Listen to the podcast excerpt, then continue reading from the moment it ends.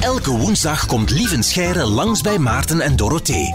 Om een makkelijk antwoord te geven op een moeilijke waarom-vraag. Dag lieve, goedemiddag. Een goedemiddag. Hallo. Ehm, alles goed? Ja, zeker. Zeker wel.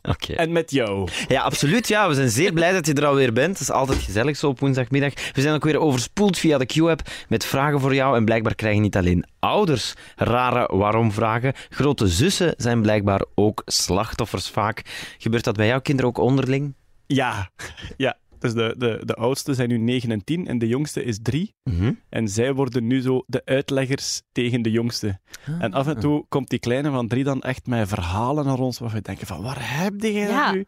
En dan is dat gewoon, ja, ons Gitte, onze oudste dochter, die eigenlijk een hele parley afgestoken heeft tegen die kleine. En die heeft het allemaal onthouden en dan komt hij dat aan ons vertellen alsof dat ze dat zelf uitgevonden Maar heeft. klopt het dan wel? Of, of zijn het dan ook verzinsels van de oudste kinderen? Soms? Nee, nee, meestal, meestal klopt het wel, Ah, ja. ja. En, en ja, dat is ook zo typisch op die leeftijd. Er blijft dan van alles hangen in dat hoofdje, dat dan heel belangrijk wordt. Zoals, als ze een standbeeld ziet, dan wijst ze daarnaar en zegt ze, die is al lang dood, hè.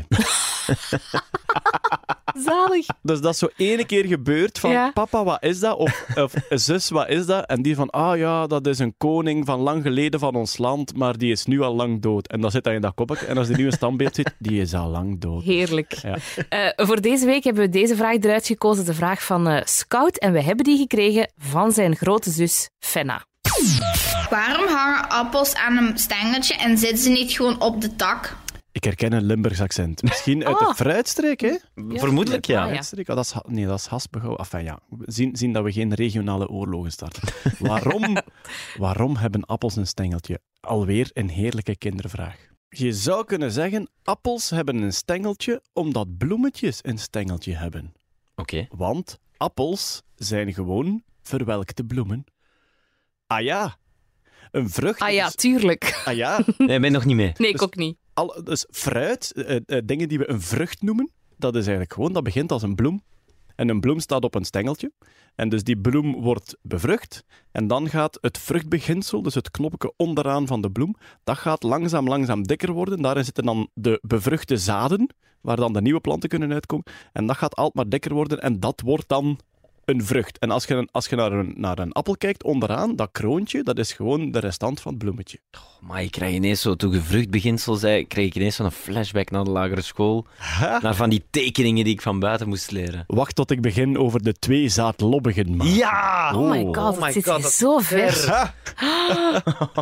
Het is wel echt heel vet. Maar zo simpel is het dus. Ah, wel ja, dus het, is, het, is, eh, het begint als een bloemetje en een bloemetje staat op een stengel. Dan kun je je afvragen waarom staat een bloemetje op een stengel. Bon, ja, dat kan verschillende redenen. Om een beetje naar het licht te groeien, om een beetje duidelijker zichtbaar te zijn voor de insecten die dan moeten komen bestuiven. Maar dus ja, het begint echt als een, een bloem.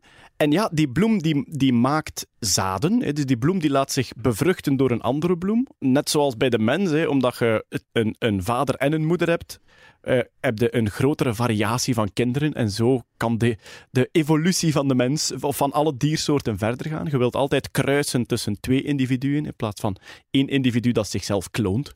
Dan zouden we nog altijd apen zijn nu, op dit moment. Ehm, en dus zo gaat dat ook. Die bloem laat zich bestuiven door een andere bloem.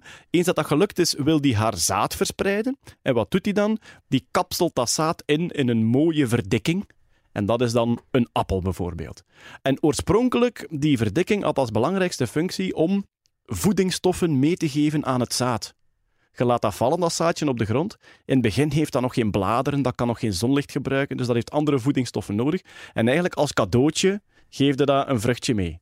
Net zoals een kastanje. Een kastanje is eigenlijk een spaarrekening voor het nieuwe bometje. Oké. Een kastanje zit stampvol energie. Dat merk je ook als je die in het vuur gooit. Hè. Kastanjes blijven heel lang heel warm. Er zit stampvol energie.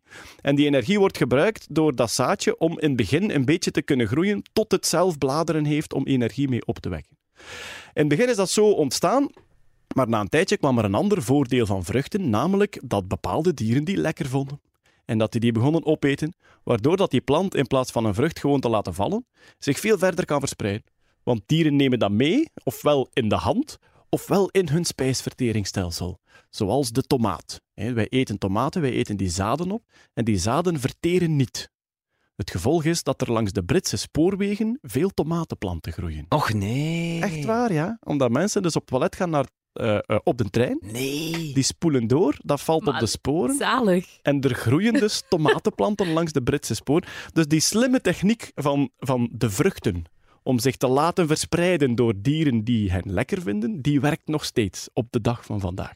Oké. Nu kun je zeggen, tomaat is toch geen fruit? Dat is moeilijk. Dat is een andere discussie. En wel, tomaat is biologisch gezien een fruit, maar wettelijk gezien een groente.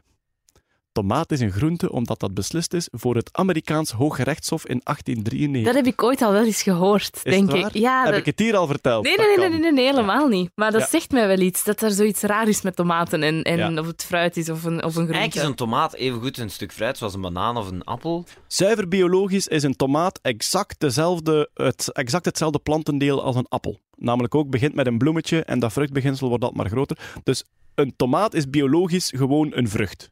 Maar wij gebruiken ze als groente. Oké. In het Engels zeggen er is een, spreek, eh, een, ja, er is een spreuk in Amerika ehm, en daar zeggen ze: ehm, slim zijn is weten dat tomaat een fruit is.